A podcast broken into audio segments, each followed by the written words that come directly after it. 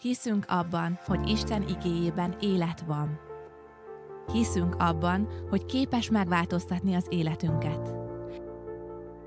Ezért tanulmányozzuk hétről hétre, mondatról mondatra.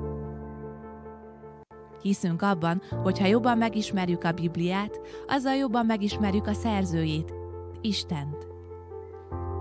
Kapcsolódj be hozzánk, és ismerd meg velünk együtt a Bibliát.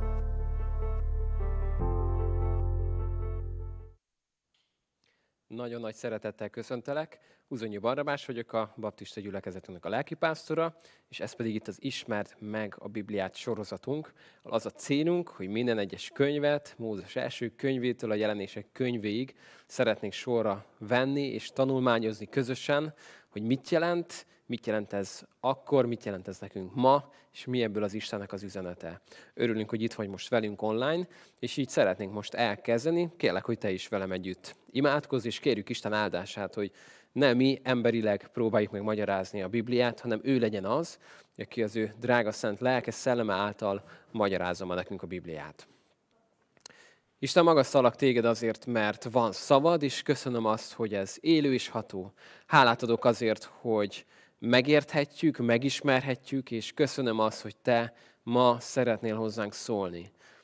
Szeretnénk, Uram, ennek fogadói lenni. Nem akarunk telve lenni önmagunkkal, hanem szeretnénk megüresíteni magunkat, hogy a te szavadnak legyen helye ma bennünk. A názáreti Jézus nevében. Amen.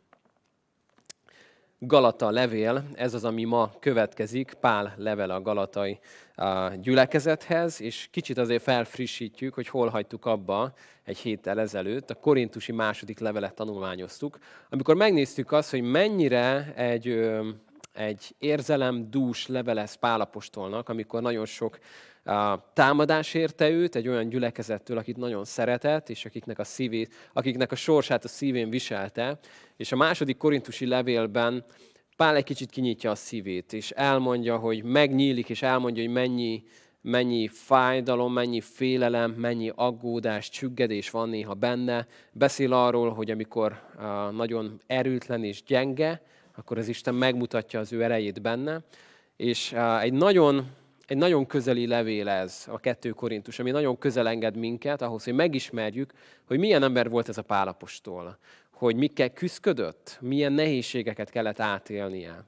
És örülünk annak, hogy ez le lett írva nekünk, hogy így egy, egy közeli képet kaphatunk arról, hogy Istennek egy nagy embere néha ugyanolyan dolgokkal küzdködött, mint te vagy én. És ugyanúgy elcsüggett, ugyanúgy félelmei voltak, aggódott, mint neked vagy nekem de hogyan tudott ezekbe győzni az Isten segítségével.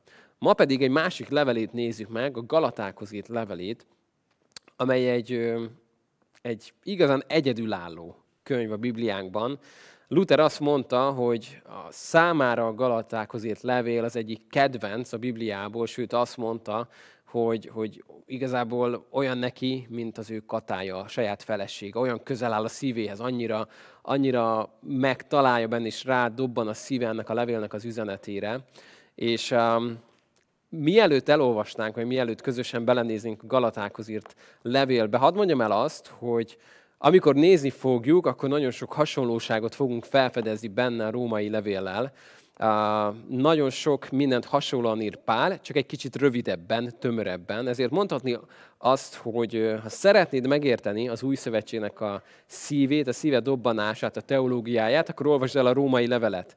Ha nem tudod elolvasni a római levelet, akkor olvasd el annak a rövidített verzióját, a Galatákhoz írt levelet, mert amin végigmegy Pál a Rómában, azt itt még rövidebben, még egyszerűbben teszi ebben a levélben. Ezért nagyon fontos, fantasztikus jó üzenete van, és ezt fogjuk most közösen megnézni. Rögtön az első mondat az már előre jelzi a levélnek a hangvételét, és azt, hogy milyen lesz ez a levél. Általában Pál minden levelét úgy kezdi, hogy bemutatkozik, megáldja a gyülekezetet, kegyelmet, békességet kíván nekik, imádkozik értük, hálát ad értük, még akkor is, amikor egy korintusiakhoz írt levélről beszélünk, ahol utána nagyon hosszasan fogja taglalni azt, hogy mennyi probléma van, és mennyi mindent kéne a helyére rakni, akkor is nagyon higgadtan kezd, gyönyörűen, ahogy ezt tőle megszoktuk. Na most figyeljük a Galatákhoz írt levélnek az első mondatát. Pál apostol, nem emberektől, nem is ember által, hanem Jézus Krisztus és az Atya Isten által, aki feltámasztott őt a halálból. Már az első mondatnál látjuk, a bemutatkozásnál látjuk, hogy Pálból valami már kirobban. Hogy én Pálapostól vagyok, nem emberek szerint, nem emberek által, nem emberek elhívásából, hanem magától az Istentől, van az ő elhivatása és az ő apostolsága, azért kezd ennyire erélyesen, és azért megy egyből bele a közepébe, mert az egész levél azért íródott, hogy valamit nagyon a helyére kell tenni. Ugyanis a Galatákhoz írt levél, kiknek is íródott, kezdjük először ott, amikor Pál az első missziós útja során végig járta ezt a területet Barnabással együtt, ez a mai Törökország területén található, akkor gyülekezetek jöttek létre, és gyülekezeteket plántáltak, és aztán utána van egy kis vita most arról a teológusok között, hogy most ez az északi, vagy a déli tartomány, vagy az egész, vagy hogy, vagy mint legyen. A lényeg az, hogy Pál számára ezek nagyon kedves gyülekezetek, amik, amiket ő a szívén visel és hordoz, és amikor később is kapcsolatba került velük, akkor mindig nagyon-nagyon fontos volt neki, hiszen megnéztük, mint mondjuk a római levélnél, ahol olyan gyülekezetnek ír, akik közül sokakat ismer, de még nem járt a gyülekezetben, nem is ő plantálta, egész máshogy ír, máshogy fogalmaz, máshogy hangsúlyoz, mint akkor, mikor úgymond a saját gyermekeihez ír, azokhoz, akiket ő vezetett a hithez, akiknek a megtérésére emlékezik. És amikor az a hírt megkapja, Pál megkapja ezt a hírt másoktól, hogy a gyülekezetek, ahol ő szolgált, ahol elindult egy gyönyörű ébredés, és ahol nagyon nagy lendülettel, lelkesen megindul az élet, nagyon nagy bajba kerülnek, és nem is tudják magukról, hogy nagyon nagy bajba kerülnek, akkor Pál egy tollat ragad, és olyan kifejezéseket fog írni, amiket máshol nem igen fogunk megtalálni, hogy ó, ti esztelen galaták. És ez egy nagyon szép fordítás, máshol úgy írják, hogy ti ostobák.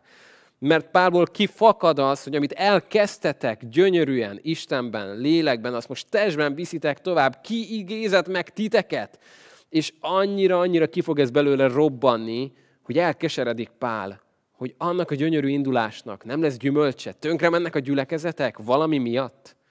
És mi az a valami, ami miatt tönkre mennének a gyülekezetek? Hiszen itt nem arról kell írnia, hogy vérfertőzés lenne, mint Korintusban, nem arról kell írnia, hogy bálványimádás lenne, mint Korintusban, nem arról kell írnia, hogy, hogy uh, túlkapások, vagy, vagy szélsőségek, vagy nem tudják, hogy kezelni a lelki ajándékokat, nem ezekről kell írnia. Úgy tűnik, hogy ezek még lehet, hogy rendben is voltak, hanem volt egy nagyon veszélyes irányzat.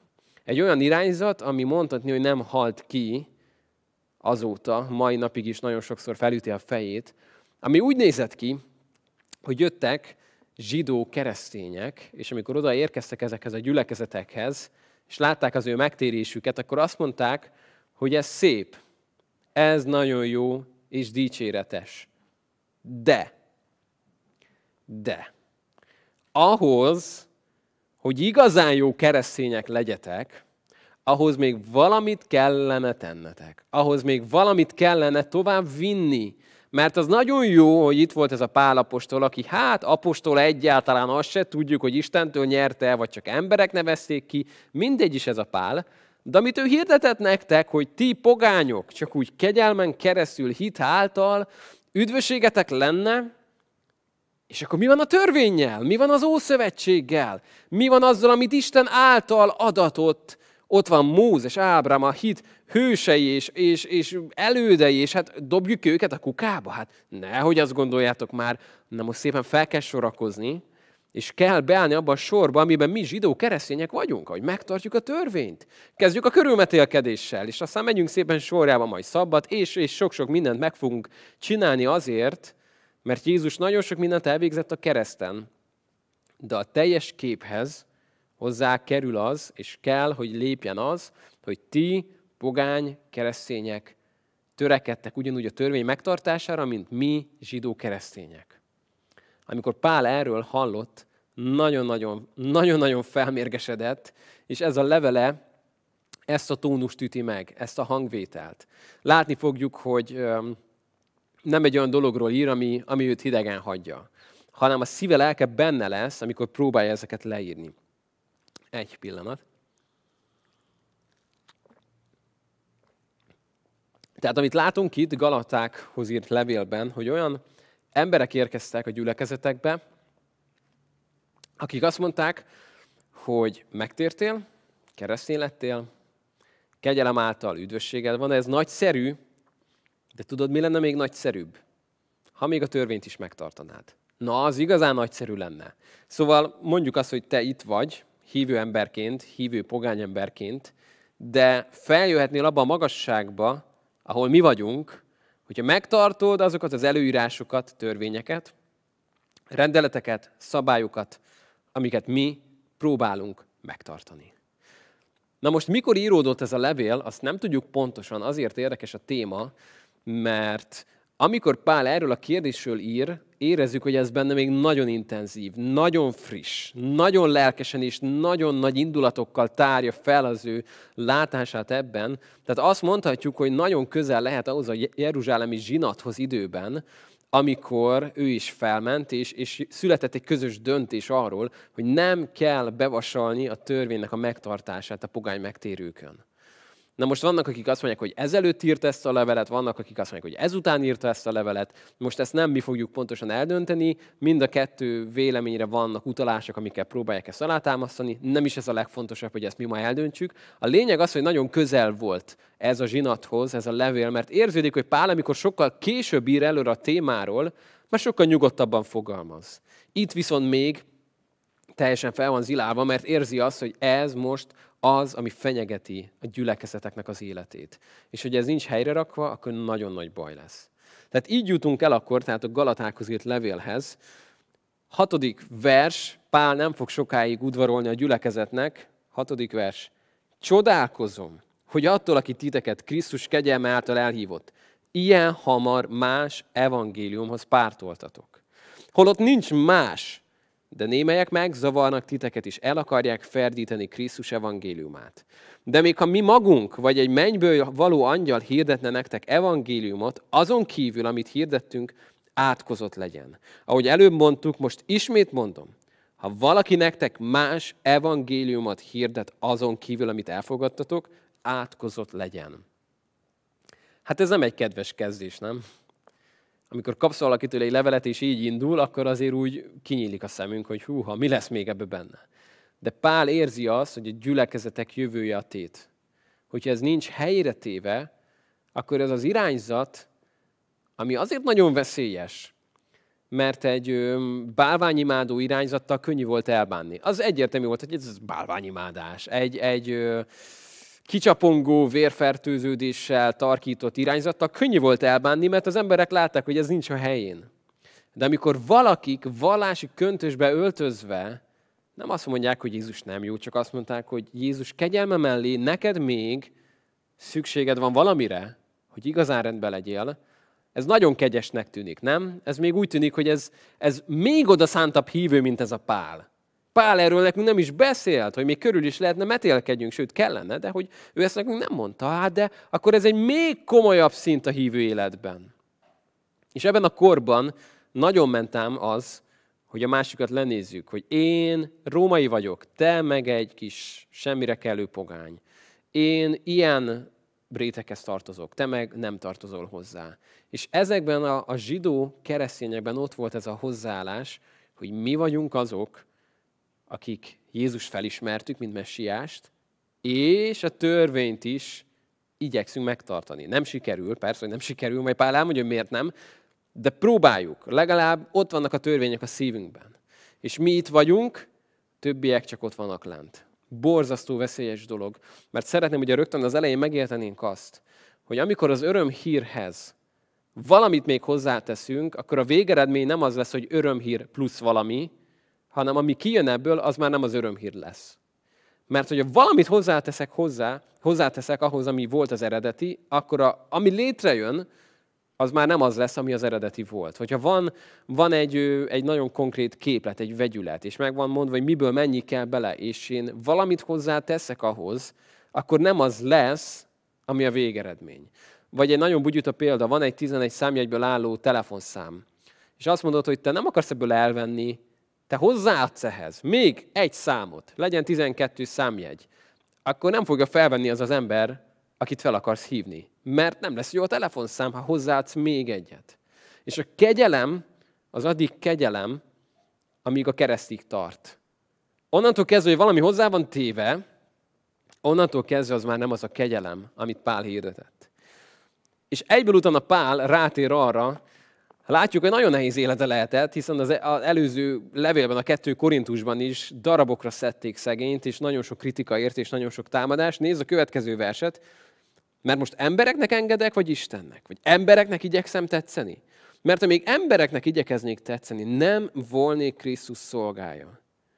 Tudjátok meg, testvéreim, hogy az általam hirdetett evangélium nem emberektől való, mert én sem emberektől kaptam. Nem is tanítottak arra, hanem Jézus Krisztus kijelentése által. Azért kell Pálnak erről beszélnie, mert ez kétségbe lett vonva. Ugye a következő részben elég részletesen elmondja az ő életútját, hogy hogyan találkozott Jézussal, mi történt utána, hogyan került kapcsolatba a kereszténységgel, hogyan találkozott a, a fő apostolokkal, és a többi, és a többi. Azért mondja el, mert jönnek azok a vádak, hogy ez a Pál, ez egy senki házi. Hát ő nem is az, akinek mondja magát, csak emberektől összeszedett mindenféle dolgot, és most kell Pálnak egy kicsit helyére tenni azt, a saját maga által plántált gyülekezeteknél, hogy ez hogy néz ki, de leszögezi az elején, hogy én nem embereknek akarok megfelelni. Mert azt mondja, ha még embereknek igyekeznék tetszeni, nem volnék Krisztus szolgája.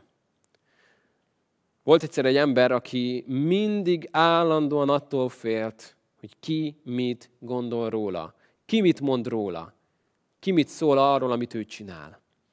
És volt egy jó barátja, aki próbálta ettől megszabadítani, de úgy élte el az életét, hogy állandóan minden tettét az alapján nézte, na de ki mit fog ehhez szólni, ki mit gondol, mit tudnék tenni, hogy ő is megszeressen, akinek most nem tetszek, és, és ez irányította az életét. És az élete végén a barátja megkérdezte tőle, hogy na végül mit gondoltak? Végül most mit szólnak? Mert hogy ennek sosincs vége, nem? Ugye mindig próbálsz valakinek megfelelni, soha nem lesz ennek vége. Mert jön majd egy másik ember, vagy jön valaki, aki félreértett, vagy soha nem lesz ennek vége. De azt mondja Pál, hogyha én még embereknek akarnék tetszeni, akkor nem lennék a Krisztus szolgája. Ennyire egyszerűen lezárja. Azt mondja, hogy most embereknek vagy Istennek. És utána a második fejezetre áttérve arról beszél egy kicsit, a történelmi hátterét elmondja, hogy amikor például Titus magával vitte, azt mondja, hogy a harmadik vers, még a velem levő Titus sem kényszerítette senki körülmetélkedésre, noha görög volt, még a belopakodott hamis testvérekért sem, akik alattomban közénk lopóztak, hogy kikémleljék szabadságunkat, melyet Krisztus Jézusban kaptunk, és így minket szolgává tegyenek.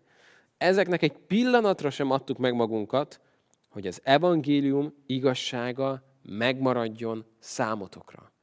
Tehát Pál leszögezi, hogy nagyon keményen harcoltak azért, hogy semmit ne tudjanak hozzá tenni ahhoz a tiszta evangéliumhoz, ami elindult, ami az ébredést hozta. És azt mondja, hogy azért, hogy az evangélium igazsága megmaradjon számotokra. Aztán csak zárójel, nem? Ugye vasárnaponta az abcsel tanulmányozzuk, és ott pedig emlékszünk arra, hogy még Pál, amikor ment ez a nagy vita, nem engedte, hogy Titus körülmetéljék, hogy bizonyítsák azt, hogy nem kell körülmetélkedniük ahhoz, hogy üdvösségük legyen. Amikor Timóteus maga mellé veszi, mi az első, amit tesz vele? Körülmetélte. Azért, nem azért, hogy ezáltal üdvössége legyen, hanem tudta Pál azt, hogy ezt a figyút magával viszi Timóteust, a következő számtalan városban, minden egyes helyen, ahol elkezd missziózni Pál, hol fog először missziózni? Zsinagógában. És tudta azt, hogyha ez a Timóteusnak is segíteni akar ebben, nem pedig terhére akar lenni, ha missziózni akar, akkor a zsidókra való tekintettel körülmetélte őt. De látjuk a kettő között az óriási különbséget, hogy nem ellentmondás van Pál életében, hanem egy nagyon következetesség, hogy a misszióért azt mondja, hogy görögnek görög, rómainak római, törvény kívülnek törvényen kívüli, mindenkinek mindennél lettem, csak hogy némelyeket megmentsek. Ez, ez gondolja a misszióról, magát is megalázza, mindenkinek szolgájává teszi, lemond a saját szabadságáról, de az evangélium tisztasága kérdésében pedig nem enged semmiben. Azt mondja, nem engedtük körülmetélni Titus. Nem, szó se lehet róla. És aztán kicsit beszél Pál arról, hogy még akár Péterrel is kellett erről vitatkoznia, amikor Péter is elbukott ebben, és belement a képmutatásban. De most a 15. versre térünk rá, csak hogy tudjunk haladni. Azt mondja Pál, mi természet szerint zsidók és nem pogányok közül való bűnösök vagyunk. Szó szerint azt mondja Pál, hogy mi zsidó bűnösök vagyunk, a többiek meg pogány bűnösök. A különbség az csak ott van, hogy te zsidó bűnös vagy, a másik meg pogány bűnös, de mindenki milyen? Mindenki bűnös. Egytől egyig. Nincs különbség. És amikor a Pál elkezdi bemutatni a törvénynek a, a munkáját, hogy a római levélben is végigmegy ezen, itt egy rövidített úton fogja ezt elmondani, de leszögezi azt, hogy a törvény által nem igazul meg egyetlen halandó sem ő előtte. És a második fejezetedik kulcsmondata, a 20. vers, Krisztussal együtt megfeszítettem. Többé pedig nem én élek, hanem Krisztus él bennem. Amely életet pedig most testben élek, az Isten fiába való hitben élem, aki szeretett engem, és önmagát adta értem. És akkor a harmadik fejezetben, mikor már azt hinnék a galaták, hogy na, megkaptuk a fejmosást Páltól, most jönnek a kedves szavak, Ó, balgatag galaták, kiigézett meg titeket, akiknek szeme előtt Jézus Krisztust úgy írtuk le, mint a közöttetek feszítették volna meg. Csak azt szeretném megtudni tőletek, hogy a törvény cselekedeteiből kaptátok-e a lelket, vagy a hit hallásából. Ennyire balgatagok vagytok, amit lélekben kezdtetek el, most testben fejeznétek be, annyit szenvedtetek hiába, ha ugyan hiába. Tehát az, aki a lelkét adja nektek, és hatalmas erőkkel munkálkodik közöttetek. A törvény cselekedeteiből teszi, vagy a hit hallása által. És nyilván érezzük, hogy a jó válasz az, hogy a hit hallása által. Pál felidézi nekik, hogy nem emlékeztek, amikor megtértetek, és hitre jutottatok, hogy Isten micsoda erővel munkálkodott közöttetek. Miért tette ezt? A törvény miatt tette? Vagy a hit hallása által? És próbálja bennük felidézni, hogy valamit jól elindítottak, valami jól elindult bennük, de aztán tudott megtörni az az életükben.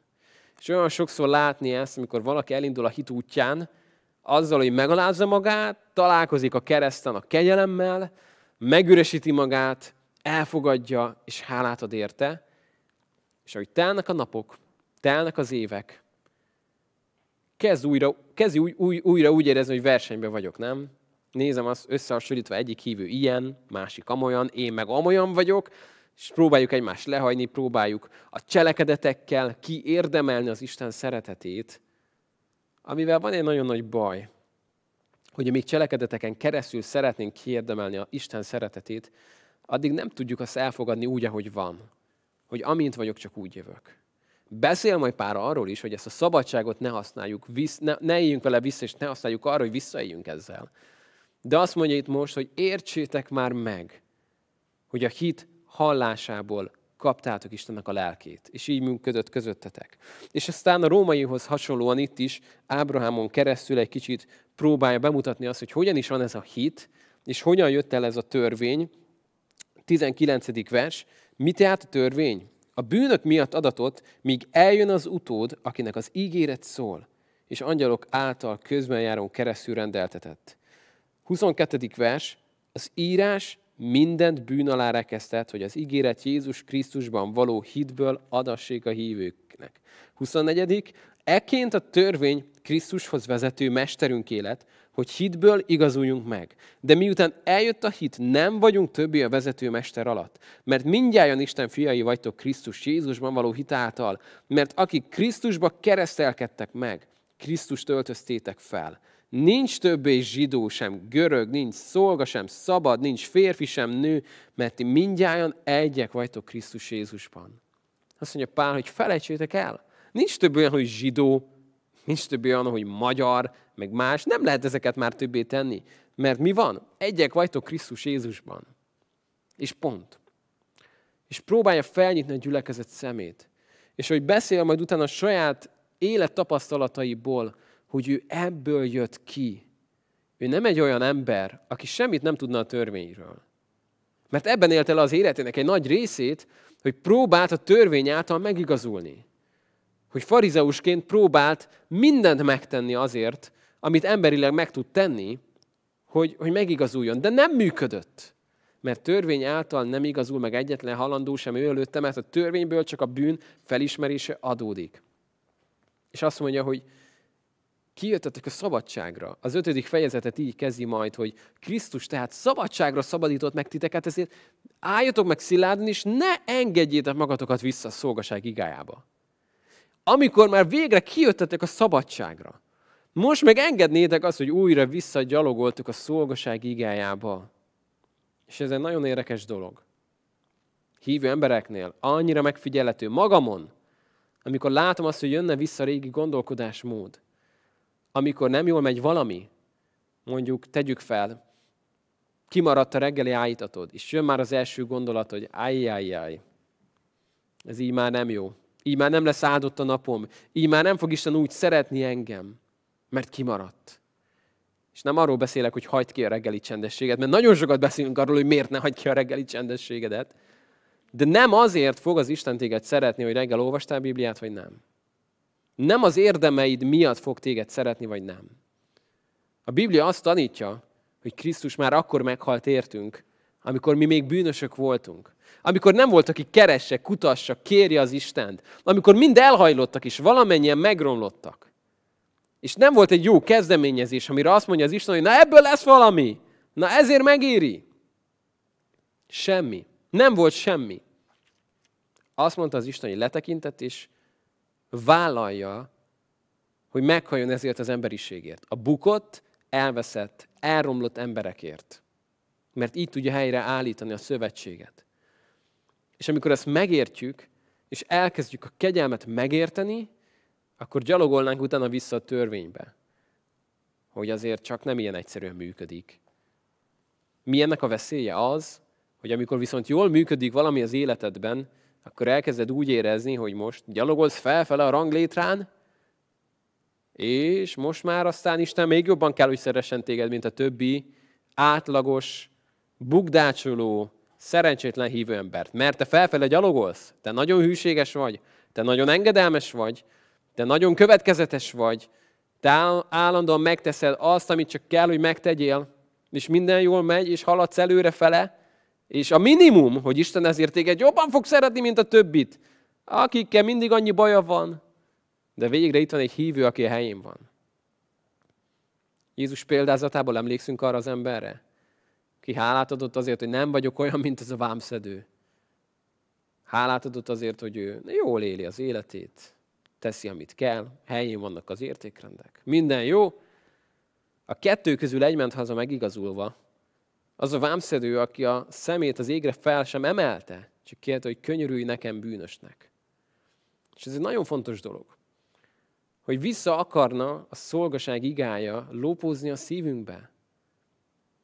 És szeretném, hogy ha nem értenénk félre, a mindennapi hűséges Isten követésednek megvan a következménye. Nem Isten fog téged jobban szeretni, hanem te fogod az Istent sokkal jobban szeretni. Nagyon nagy a különbség. És mivel ezt fogod tenni, és sokkal jobban fogod szeretni az Istent, mint eddig valaha, ezért sokkal jobban fogod tudni tapasztalni és megélni az Isten áldásait. De nem tudsz már magasabbra mászni a ranglétrán, mert el kell mondjam ma neked, hogy a kegyelem miatt a ranglétra tetejére kerültünk. Abban a pillanatban, amikor újjászülettünk. Nincsen feljebb. Nem tudsz semmit se tenni azért, hogy az élő Isten jobban szeressen téged. Mert az egyszülött fiát nem kímélte, hanem mindjájunkért odatta. Mit tehetne még az Isten? És tette ezt akkor, mikor még bűnösök, mikor az ellenségei voltunk. És hogy ezt megérted, akkor ez felszabadít arra, hogy nem azért fogod tenni a dolgaidat, hogy lenyűgöz vele az Istent, hogy elért, hogy ő szeressen téged, hanem mikor megérted azt, hogy mennyire szeret az Isten, akkor azért fogsz tenni mindent, azért fogsz engedelmességbe járni, azért fogod keresni őt, azért akarsz neki minden egyes nap hűségesen a nyomdokaiban járni, mert szeret az Isten. Nem azért, hogy szeressen az Isten, hanem mert szeret az Isten. És nem azért maradok távol a bűntől, mert mit, mit okozhatna csupán a bűn az életemben. Az is egy borzasztó dolog. De azért is távol maradok a bűntől, mert miről maradnék le, ha bűnt engednék be az életembe? Miről maradnék le, ha bűnt tönkretenni az életemet, és nem élhetném azt az elhívást, amire Isten hívott? De szeretném ezt megértenéd ma. Mert ez egy olyan üzenet, ami nem halt ki ezzel a gyülekezettel a Galatákhoz írt levélben, hanem újra és újra felüti a fejét ma. Amikor keresztények különböző felekezetek ócsárolják egymást, és az egyik elmondja, hogy mi vagyunk a jobbak, ti semmik vagytok, és a miénk az egyedül üdvözítő anyaszent egyház, a tiétek meg semmi, és oda-vissza mennek ezek a dolgok, akkor valamit nem értettünk meg a kegyelemből. Mert azt mondja, nem sokára Pál, hadd olvassam most fel, egy kicsit ugrunk, az ötödik fejezet 14, mert az egész törvény ebben az egyigében teljesedik be. Szeres fel a barátodat, mint magadat. Ha pedig egymást marjátok és faljátok, vigyázzatok, hogy egymást el nem észétek.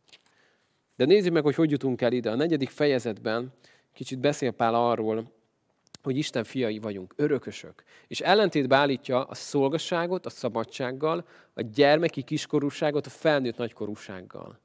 És azt mondja, hogy ő ebben élt. A törvény alatt szolga volt, a törvény alatt kiskorú volt. De amikor a kegyelemmel találkozott, a szabadítással találkozott, akkor kijött a szabadságra, és kijött a felnőtt nagykorúságra Krisztusban. Azt mondja a negyedik fejezet, kilencedik vers, most azonban, hogy megismertétek Isten, sőt, hogy Isten megismert titeket, hogyan térhettek vissza ismét az erőtlen, gyarló elemekhez, hogy újból azoknak szolgáljatok? Megtartjátok a napokat, hónapokat, időszakokat, meg esztendőket. Féltelek titeket, hogy hiába fáradoztam. Azt mondja Pál, hogy ebből jöttetek ki. Ezekből megszabadultatok, és most elkezdtek visszagyalogolni oda, ahonnan Krisztus drága véren kiszabadított titeket. Ötödik fejezet elején hadd olvassam ezt a mondatot, ami már előkerült. Ezért álljatok meg abban a szabadságban, melyre Krisztus megszabadított minket, ne engedjétek magatokat újból a szolgaság igájába fogni. Egy fontos dolgot húzunk itt alá. Nem azt mondja Pál, hogy szabadítsátok meg magatokat. Soha nem mond ilyet.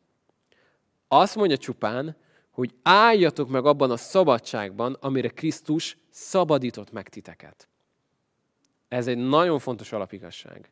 Amikor úgynevezett szabadító szolgálatra kerül sor, tehát valaki nagyon mély helyzetben nem tud kijönni valahonnan, vagy egy megkötözöttségben él, nagyon fontos ezt látni mindig, hogy amikor imádkozunk érte, amikor oda térdelünk mellé, és elkezdjük rendezni az életét, mi nem megszabadítjuk azt az embert, hanem arra a szabadításra appellálunk vissza, amit Jézus a kereszten csinált.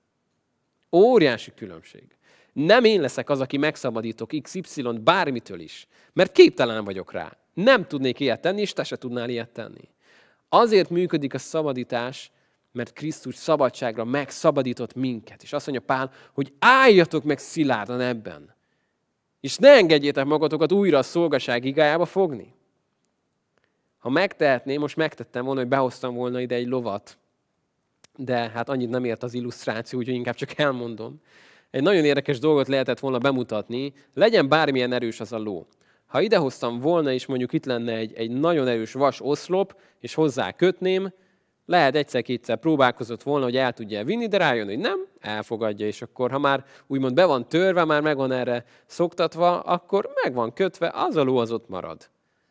Nagyon érdekes képeket lehet látni arról, amikor egy hatalmas erős ló oda van kötve egy ilyen félkilós műanyag székhez amit Elizabeth, a kislányom felemelni és odébb vinne. És 5 óra múlva ló még ugyanott van. Miért?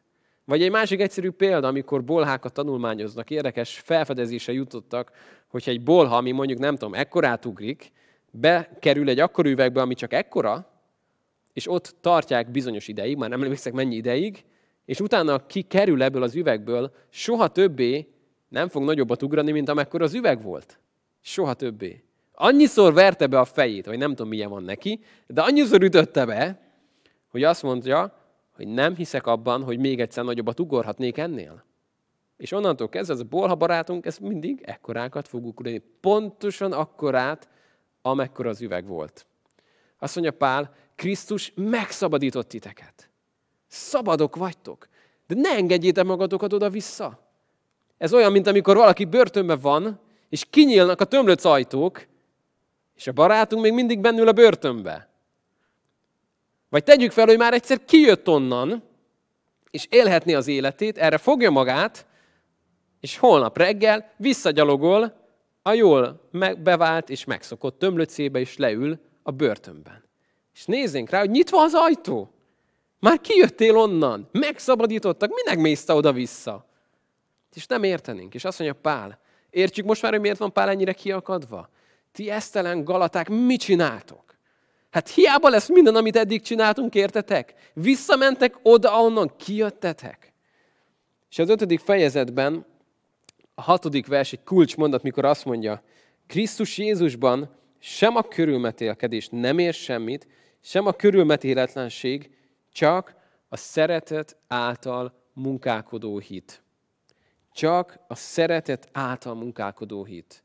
Erre hívja fel a figyelmet. Nem a körülmetélkedés, vagy épp annak a hiánya az, ami mindent visz. Azt mondja, szeretet által munkálkodó hit. Hetedik vers. Jól futottatok, ki akadályoz meg titeket abban, hogy engedelmeskedjetek az igazságnak. Ez a hitegetés nem attól van, aki titeket hív. Egy kis kovász az egész tésztát megkeleszti. Bízom bennetek az Úrban, hogy ti sem vélekedtek másképpen. De aki megzavart titeket, elveszi büntetését, bárki legyen is az. Testvéreim, ha még mindig a körülmetélkedést hirdetem, miért üldöznek mégis? Hiszen akkor eltöröltetett a kereszt botránya. Pál nagyon ki kell magából is elmondja, hogy remélem, hogy nem hiába volt mindaz, ami közöttetek elindult. És van ebből még visszatérés, van ebből helyreállás. Hogy a kereszt az újra minden legyen. Hogy amikor Jézus azt mondta, hogy elvégeztetett, az újra ott legyen, egy elvégzett munka, amihez már nem kell, és nem is tudunk semmit hozzátenni. És ígérem, hogy Pál azért nyilván ki fog arra térni, ami lehet, hogy itt valakiben megszólalna közülünk is, hogy na de mi van akkor, hogyha? Következő mondat, nézd csak, 13-ban azt mondja, mert ti testvéreim szabadságra hivattatok, és lehet, hogy Pál már hallotta magában az emberek kérdését, na de hogy ez a szabadság ne legyen ürügy a testnek. Ne legyen ürügy a testnek. Mert Pál is látta, hogy igen, ez egy nagyon veszélyes utca, amiben ez a gyülekezet belemenne, de azt mondja, van egy másik nagyon veszélyes utca, hogy ez a szabadság ürügy legyen a testnek. Azt mondja, nem, sőt, szeretettel szolgáljatok egymásnak. Hogyha megyek egy hídon, melyik a rosszabb, hogy a bal oldalt esek le a kocsival, vagy hogy a jobb oldalt? Szerintem egyik se jó, nem? Mind a két oldalt belezuhanok a, a vízbe, és összetöröm magam. Akár bal oldalt esek le, akár jobb oldalt esek le. Ezért Pál beszél arról, hogy most nálatok egy olyan helyzet van, hogy néhány milliméterre vagytok baloldalt a korláttól, és le fogtok esni a hídról. Azt mondja, nagyon sürgősen jobbra kell kanyarítani ezt a kocsit, de ne túl jobbra. Az se jobb, ha jobb oldalt estek le. Maradjatok rajta azon az úton, amelyre elhivattatok. Nem arra bátorítja őket, hogy most a teljes törvénykezésből jussanak át a teljes szabadosságra, hanem azt mondja, hogy ez a kettő között ott van az a tiszta evangélium, a szeretet által munkálkodó hit. Jézusnak az az egyszerű üzenete, a kereszten elvégzett és befejezett műve.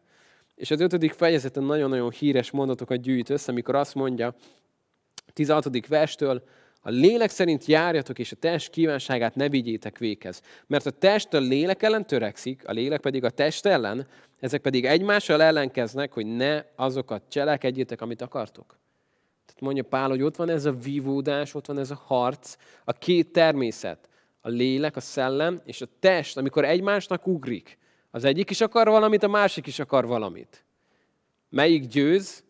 Hát az győz, amiket az ember élteti, amiket az ember táplálja. Régi szakállas történet arról, mikor egy öreg ember meggazdagodott, hogy kutyákat nem is tudom, hogy mondják ezt, ilyen kutyaviadalokat tartott, és amikor összeeresztette a kutyáit, ő is mindig megtette a fogadást, és mindig nyert. Borzasztó gazdag lett, mert mindig nagy vagyont rakott az egyik kutyára, és mindig az győzött. És valaki megkérdezte, hogy hát öregember, honnan tudja maga mindig, hogy melyik fog nyerni? Bácsi egyszer élete végén már elmondta valakinek, hogy hát fiacskám, amiket a héten etettem, az fog nyerni. A másik egy falat ételt nem kapott, tehát alig bír állni szerencsétlen. Ő tudta, hogy amiket etettem a héten, az győzni fog. Az életünkben ugyanezt történik. Van egy háború a testünk és Istennek a dolgai között. Amiket eteted, az fog győzni. Ilyen egyszerű. Amiket táplálod, az fog győzni. Mély alapigasság az életünkben. Amit az életedbe táplálsz, amibe belefektetsz, az mindig növekszik, amibe nem fektetsz bele, és amit nem táplálsz, az mindig elsorvad. Mindig ez történik. Legyen szó a házasságodról, legyen szó a gyermekeidről, legyen szó a munkádról, legyen szó a szolgálatodról, elhívásodról. amit táplálsz, az mindig növekszik és virágzik, amit nem táplálunk, az mindig elhal.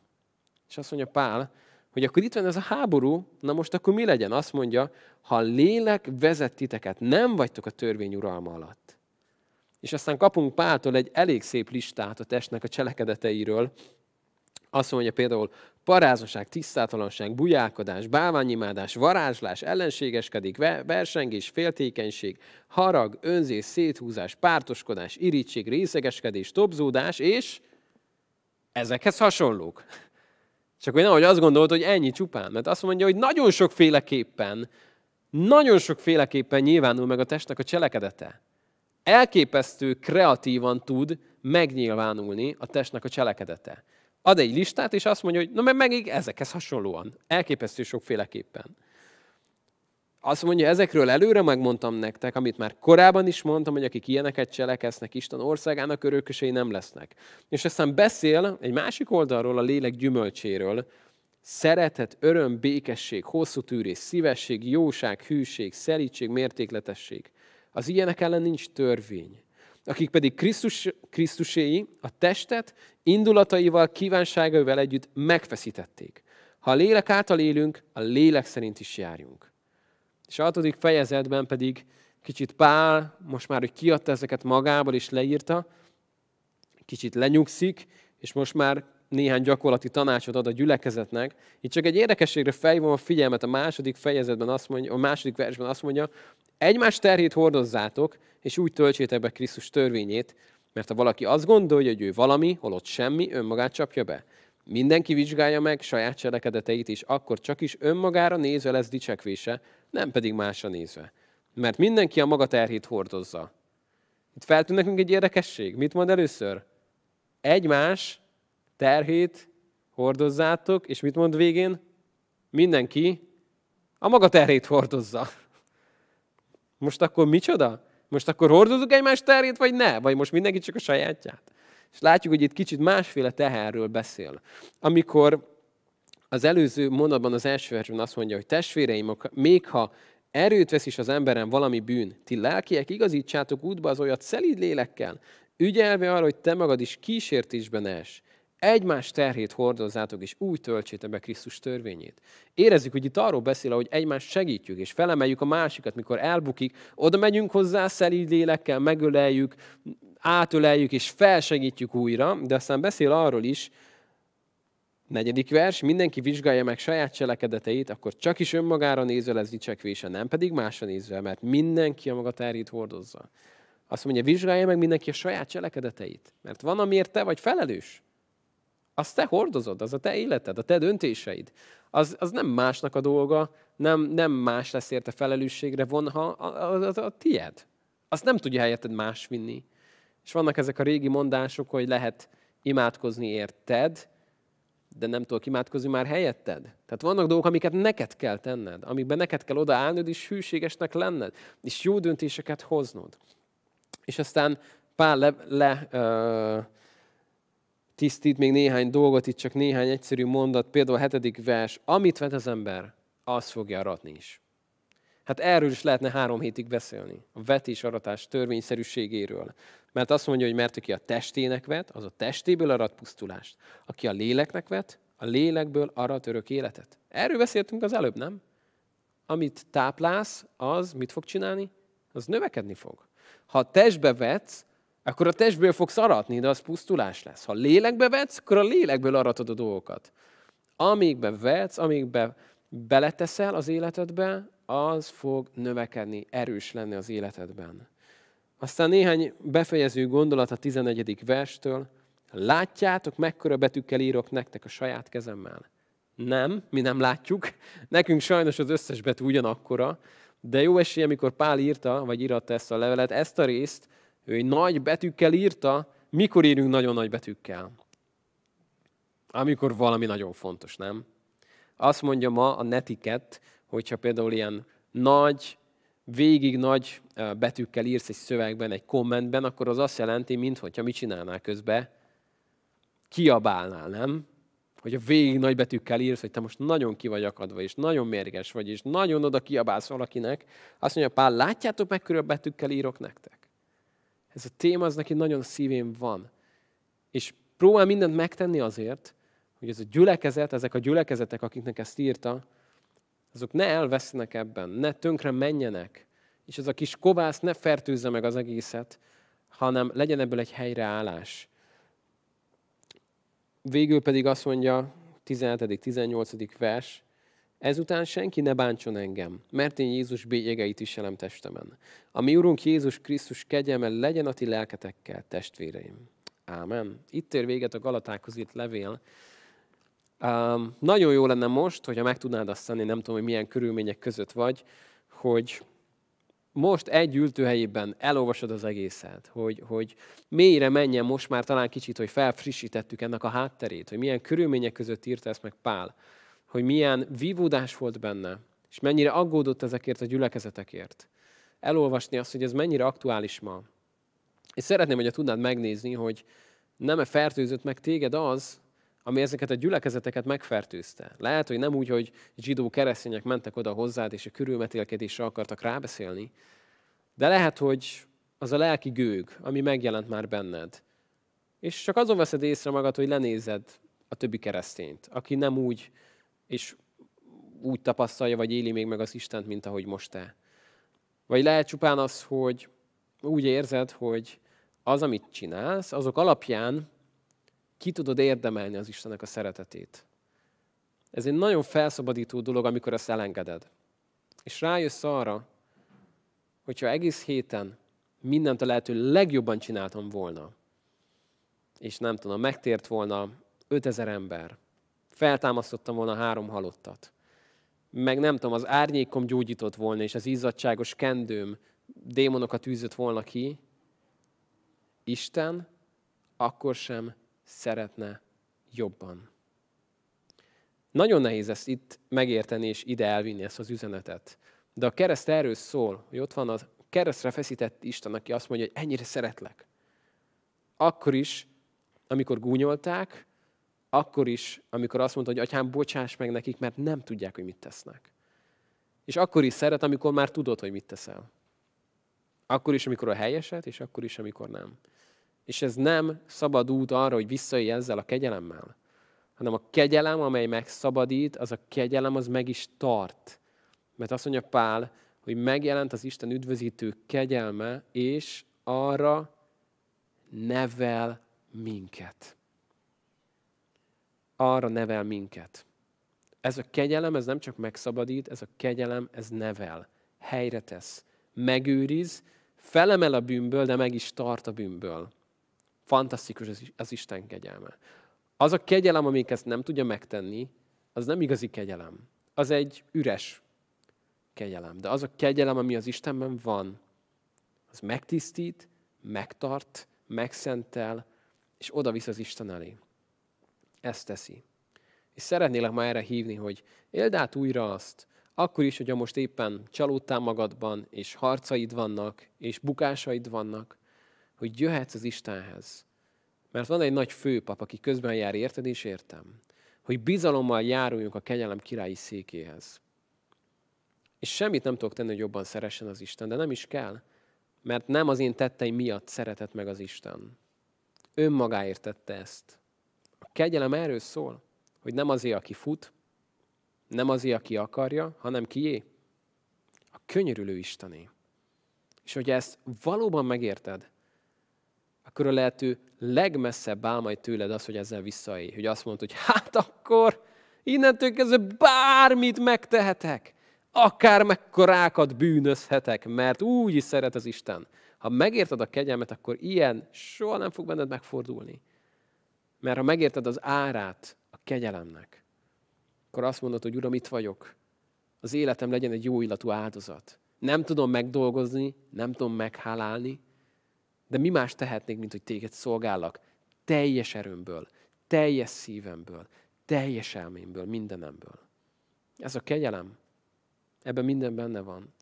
És kell ma nekünk, mai 21. századi keresztényeknek ezt újra felismerni. Mert néha ettől nagyon el tudunk távolodni.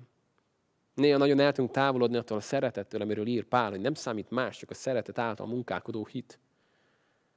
És szeretném, hogy ma tudnál elgondolkodni ezen. Engednéd, hogy Isten a szívedbe nézzen, hogy hogy állsz ezzel. Ami nekem nagyon sokat segített, az az, hogy gyermekeket nevelhetek.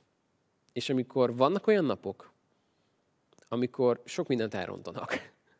Vannak olyan napok, amikor, amikor mesterien dolgoznak azon, hogy hogy tudják apát és anyát borzasztóan kiakasztani. És hogy tudnak mindenben engedetlenek lenni.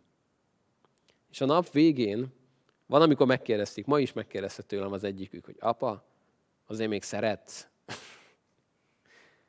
Mit mondunk ilyenkor nekik? Mit gondolsz? Ennyi, ennyi hiba után hogy szeretetnélek? Ezt mondod nekik? Nem. Azt mondom, hogy persze, hogy szeret, hogy gyere ide te. Ezzel nem jóvá hagyom, hogy figyelj, csináld holnap is ugyanezt, könyörgök, ugyanezt csinál. Nem, nem ezt kérem tőle.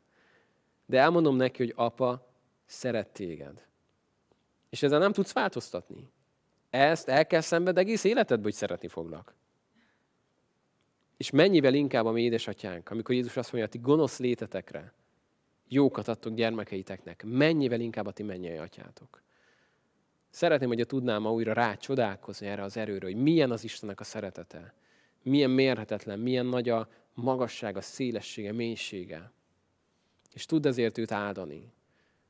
És engedd meg, hogy azokat is így szeresse, akik körülötted vannak. Mert neki nem te vagy az egyetlen gyermeke, hanem a többi is. Többi testvéred, mind az ő gyermeke. És gondolj erre, hogyha téged így szeret az Isten, mi, mi, mi történt, ha belegondolnánk, hogy őt is így szeretheti az Isten?